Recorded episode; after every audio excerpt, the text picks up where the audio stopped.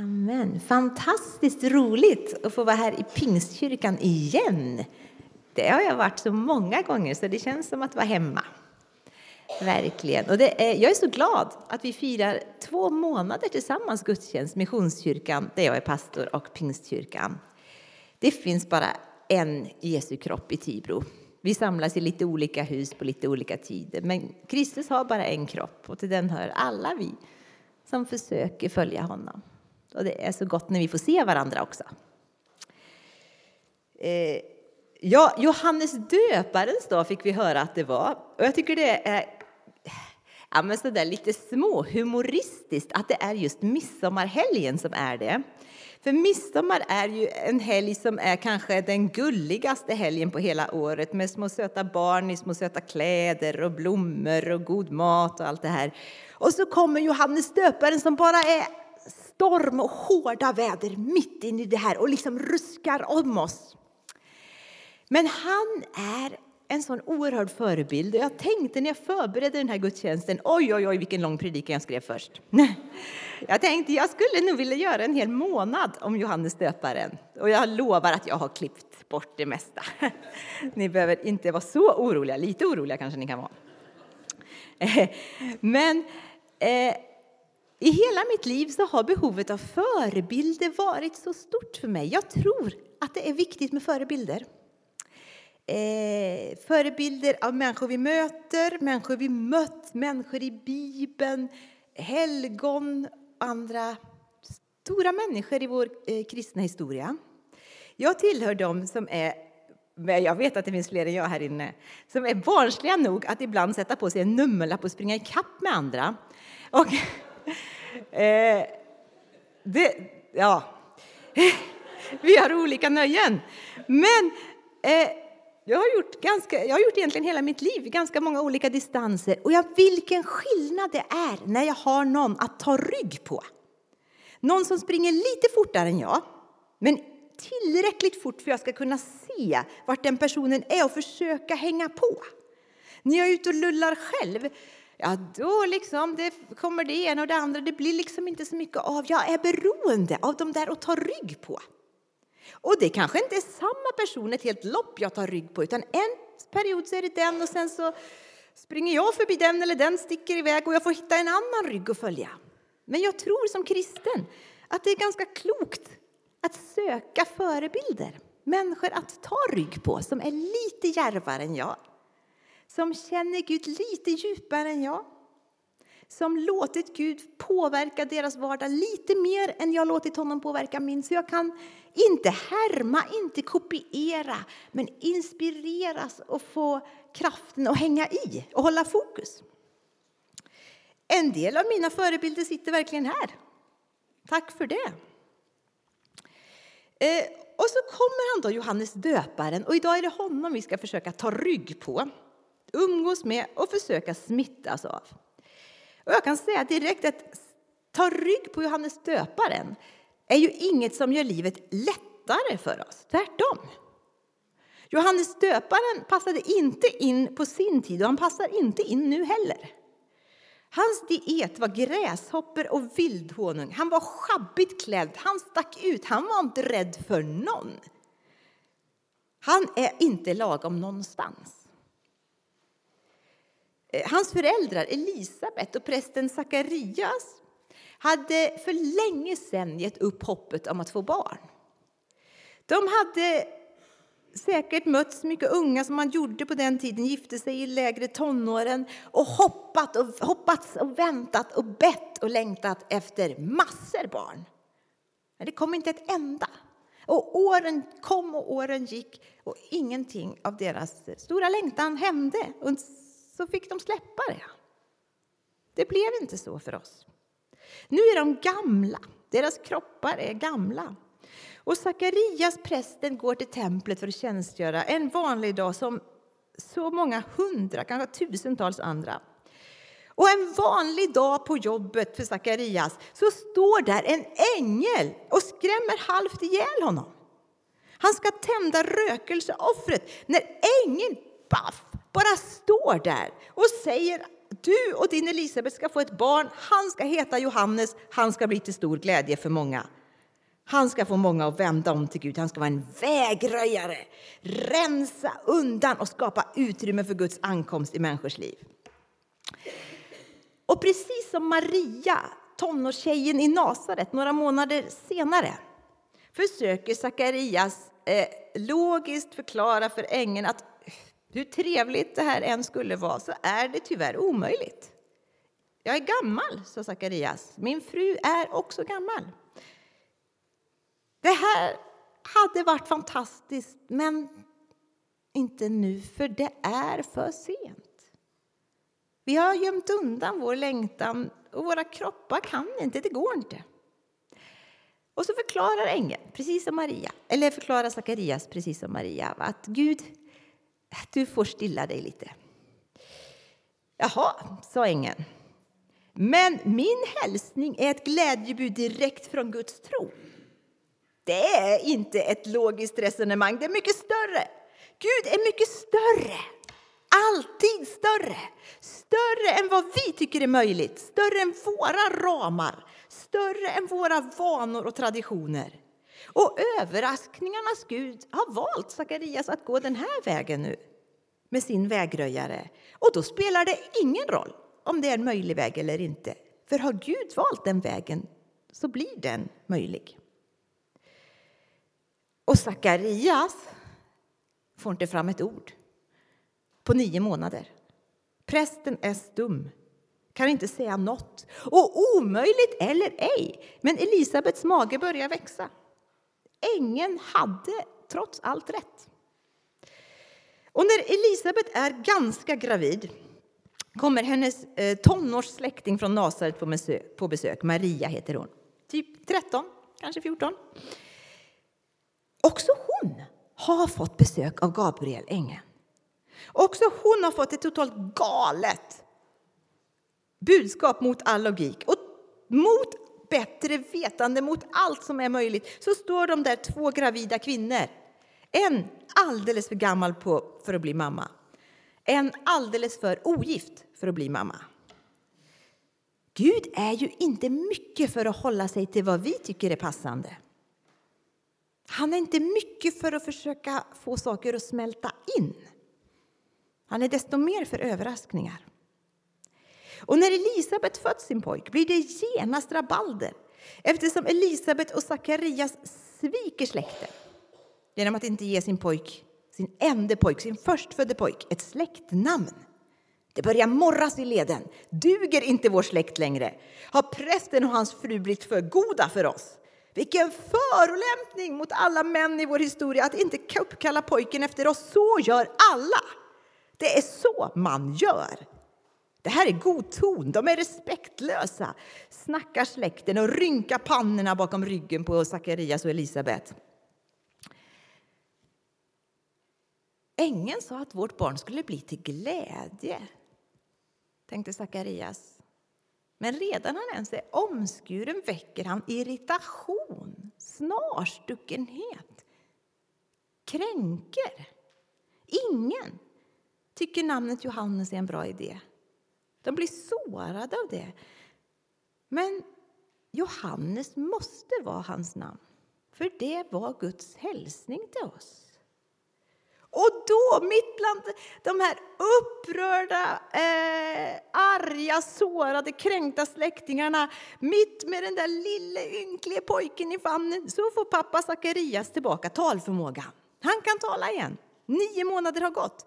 Och när han äntligen kan tala så försvarar han inte namnet Johannes. Han förklarar inte att ängeln kom och ängeln sa bla bla bla. Han lovsjunger Gud, precis som du sa. Han bara sjunger. De får rynka pannorna, de får tala bakom hans rygg. Han bara lovsjunger.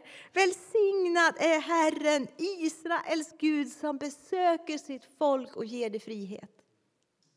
Och Sakarias tar emot den friheten. Han blir fri från alla de som liksom vill trycka ner och äh, begränsa och stoppa in i formarna. Han är fri, för Herren besöker sitt folk och ger det frihet. Har du tänkt på vad mycket Bibeln och Nya testamentet inte minst säger att Gud har vunnit frihet åt oss. Vad svårt det är att ta emot den. Tack Sakarias att du vågade. Och så växer Johannes upp, står det, och Bibeln liksom snabbspolar. Några verser senare så har han växt upp och är stark i anden. Står det. Om jag frågar dig om du vill vara stark i anden så tror jag att vi alla räcker upp handen. Men vilket högt pris Johannes får betala för att han är stark i anden.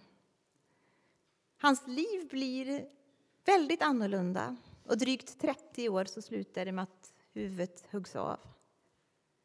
Att vara stark i anden kanske inte är bara att stå på estraden och få applåder och tillrop. Att vara stark i anden är ett liv som kan kosta mer än man kan ana.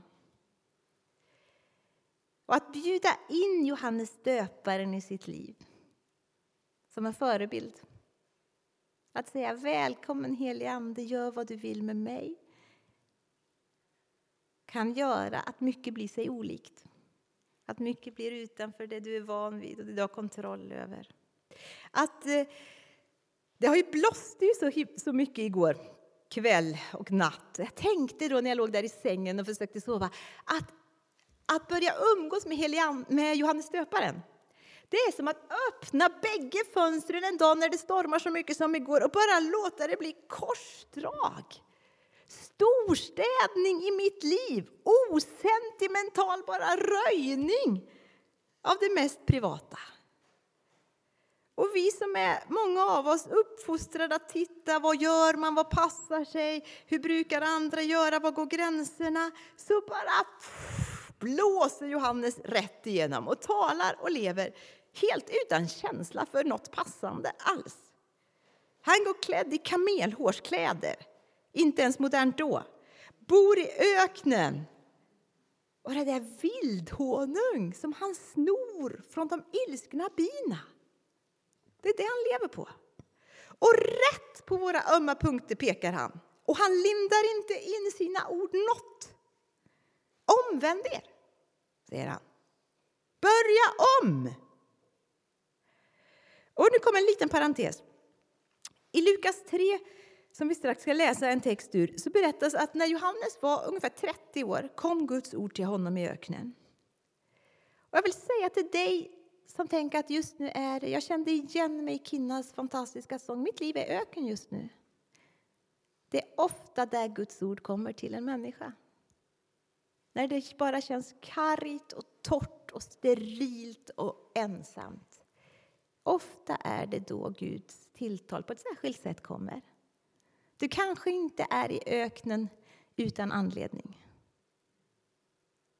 Du kanske kommer gå därifrån på ett annat sätt än du trodde. Och Det andra av den lilla korta eh, parentesen är att vi har ju ofta så bråttom och vi har ofta lätt att ge upp. Vi kanske tänker ah, 30 år sedan Gud sa att han skulle bli till välsignelse. Han har bara hållits liksom helt offside. Han har knappt träffat en människa. Men då var Guds tid. 30 år är en rätt lång tid att vänta på för Sakarias och Elisabet. De kanske redan var döda nu. De var ju gamla när han föddes. Och de fick aldrig se det där som ängeln lovade. Men håll ut, ge inte upp. Vi tänker så ofta, ah, har jag inte kommit igång med det där med offrande och tionde än, det är väl ingen idé. Eller, ah, jag är så himla snarstucken, det är ingen idé jag är som jag är. Och så vidare och så vidare. Tänk om det är dags för dig att lämna öknen idag. Johannes liv säger både att du behöver inte stressa, men den säger också att det är aldrig för sent, ens när du tror att det är för sent. Nu ska vi läsa ur Johannes, nej, Lukas tredje kapitel vers 3-15. Eh, vi läser i Jesu namn. Johannes begav sig till trakten kring Jordan och förkunnade överallt syndernas förlåtelse genom omvändelse och dop som det står skrivet i boken med profeten Jesajas ord. Och så citerar han Jesaja. En röst ropar i öknen, bana väg för Herren. Gör hans stigar raka. Varje klyfta ska fyllas, Varje berg och höjd ska sänkas. Krokiga stigar skall rätas och steniga vägar jämnas och alla människor ska se Guds frälsning. När folk kom ut i stora skaror för att döpas av honom sa han till dem Huggormsyngel! Vem har sagt er att ni kan slippa undan den kommande vreden? Bär då sådan frukt som hör omvändelsen till. Och börja inte säga vi har Abraham till fader. Jag säger er, Gud kan uppväcka barn åt Abraham ur dessa stenar. Redan är yxan satt till roten på träden. Varje träd som inte bär god frukt ska huggas bort och kastas i elden. Folket frågade honom, vad ska vi då göra? Han svarade, den som har två skjortor ska dela med sig åt den som ingen har. Och den som har bröd ska göra på samma sätt. Även tullindrivare kom dit för att bli döpta och frågade honom Mästare, vad ska vi göra? Han svarade Driv inte in mer än vad som är fastställt. Och när det kom soldater och frågade honom Och vi, vad ska vi göra? sa han till dem Pressa inte av någon pengar med våld eller hot utan nöj er med er såld, er lön. Folket var fyllt av förväntan. Amen. Tänk dig att du sitter precis här, eller kanske i Missionskyrkan, söndag förmiddag. Vackra blommor på nattvardsbordet, härlig vacker musik har varit, så är det predikan. Mötesledaren har hållit ett varmt tal, välkomsttal för gästpredikanten. Och nu går gästpredikanten fram. Han är verkligen inte bra klädd. Håret på ända, byggshorts, stålhätteskor, en lindrigt ren uttvättad t-shirt med ett fult tryck på. Gästpredikanten tackar inte för välkomstorden eller inbjudan. Han öppnar mun, knackar på mikrofonen och säger Huggormsyngel! Vem har sagt att ni kan slippa undan den kommande vreden? Bär då sån frukt som hör omvändelsen till. Och börja inte säga jag är med i Pingstkyrkan eller jag är med i Equmeniakyrkan. Jag säger er att Gud kan uppväcka lärjungar ur orgen. Det är era liv som räknas. Lev så era liv bär frukt. Gå till Gud, omvänd er. Be Gud hjälpa dig göra en rejäl storstädning i ditt liv och rensa undan en hel del för att göra plats för det som verkligen är viktigast, renast och mest av kärlek. Det blir knäpptyst. Folk andas knappt, inte ens du. Om det här hade hänt i Pingstkyrkan eller Missionskyrkan en söndag, vad hade hänt? Hur hade det blivit? Hur hade du reagerat? När Johannes spände ögonen i dig och sa ungefär så här.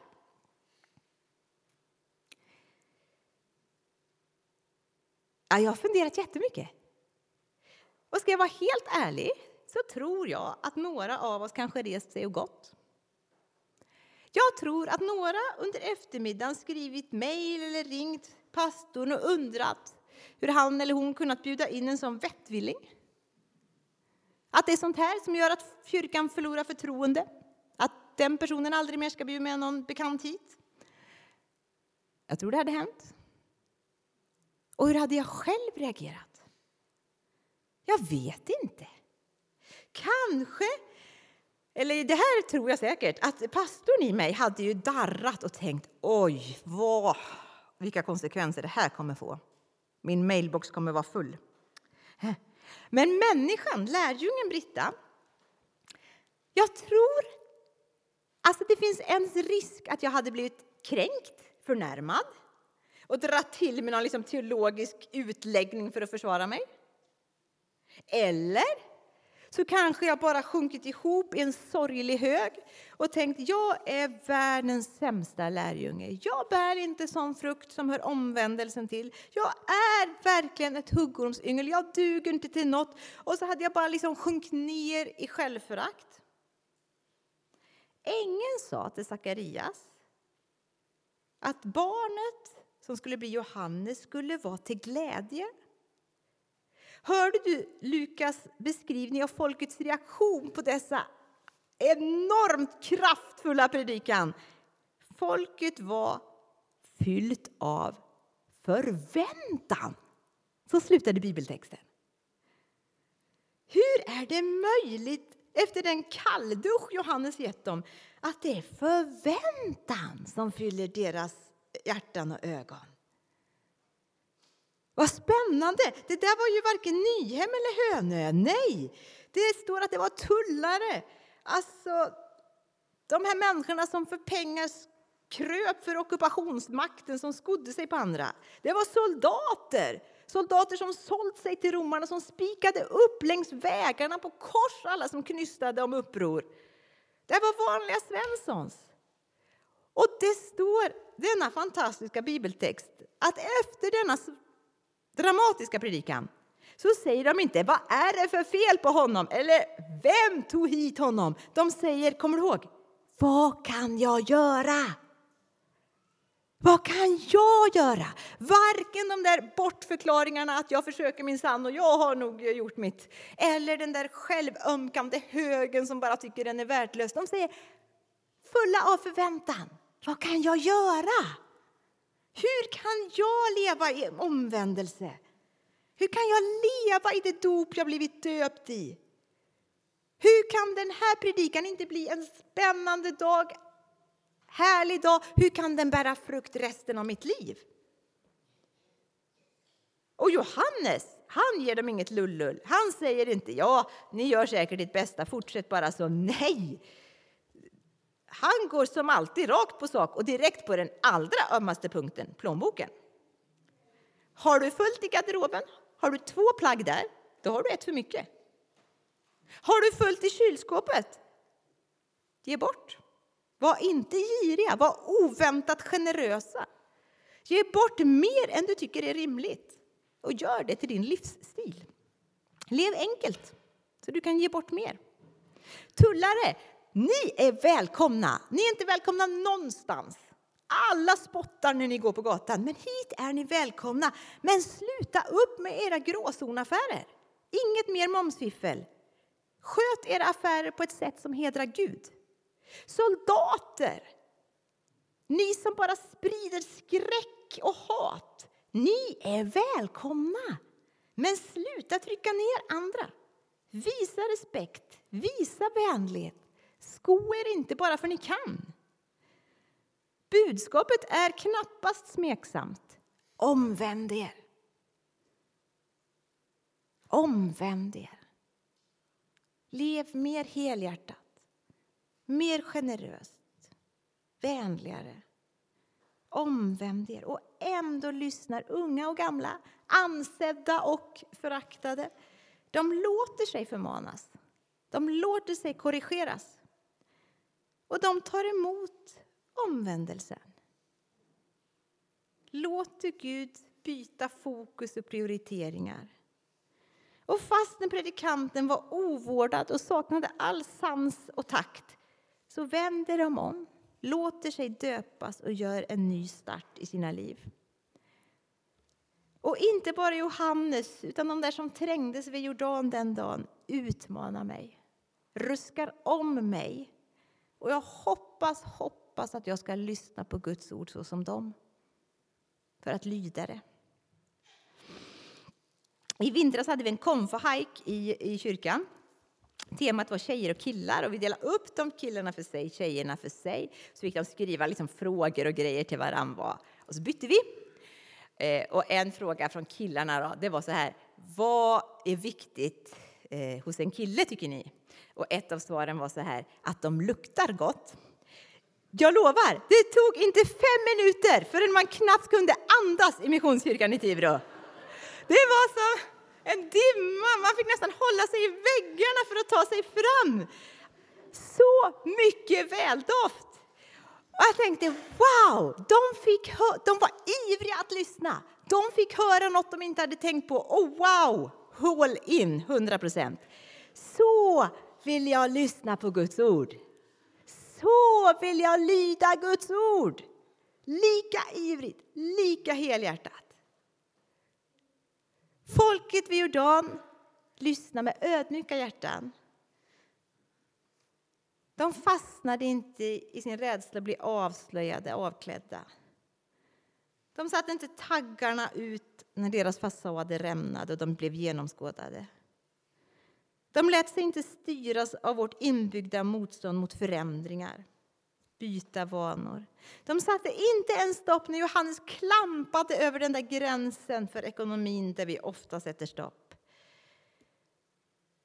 Johannes talar att Gud vill omvända oss.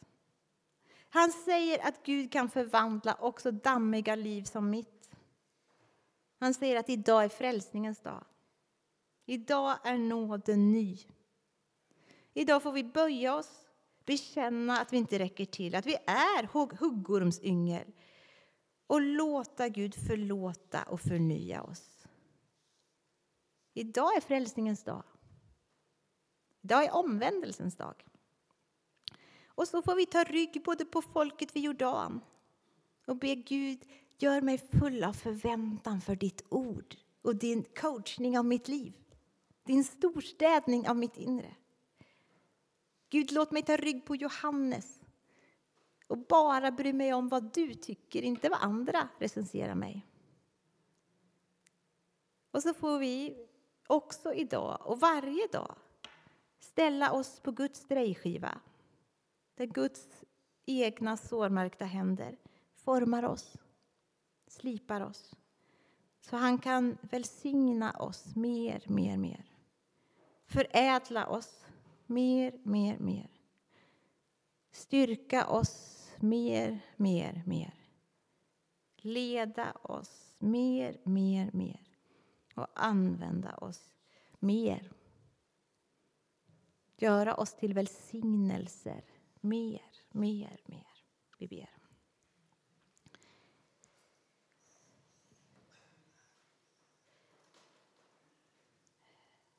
Ja, Herre, tack för ditt ord. Tack för alla dina barn i detta rum. Tack för Johannes, döparen. Tack för alla profeter som du sänder till oss. Välkommen att skapa ett heligt korsdrag i mitt liv, i våra liv. Välkommen att storstäda i våra kyrkor, i våra församlingar, i våra hjärtan. Vi ber förbarma dig över vår ljumhet, bekvämlighet och snålhet. Förlåt oss våra synder i din stora godhet. Tack att du är trofast. Tack att din nåd är ny var morgon. Och jag ber omvänd oss. Vänd oss till dig. Vänd oss till den värld som är på väg att gå förlorad. Vänd oss till den värld som svälter. Vänd oss till den värld som gråter av ensamhet. Beskär i oss de grenar som bär frukt, så de kan bära mer frukt. Skär bort i oss de grenar som inte bär frukt oavsett hur fästa och vana vi är vid dem. Skapa i oss, Gud, rena hjärtan och ge oss på nytt en frimodig ande.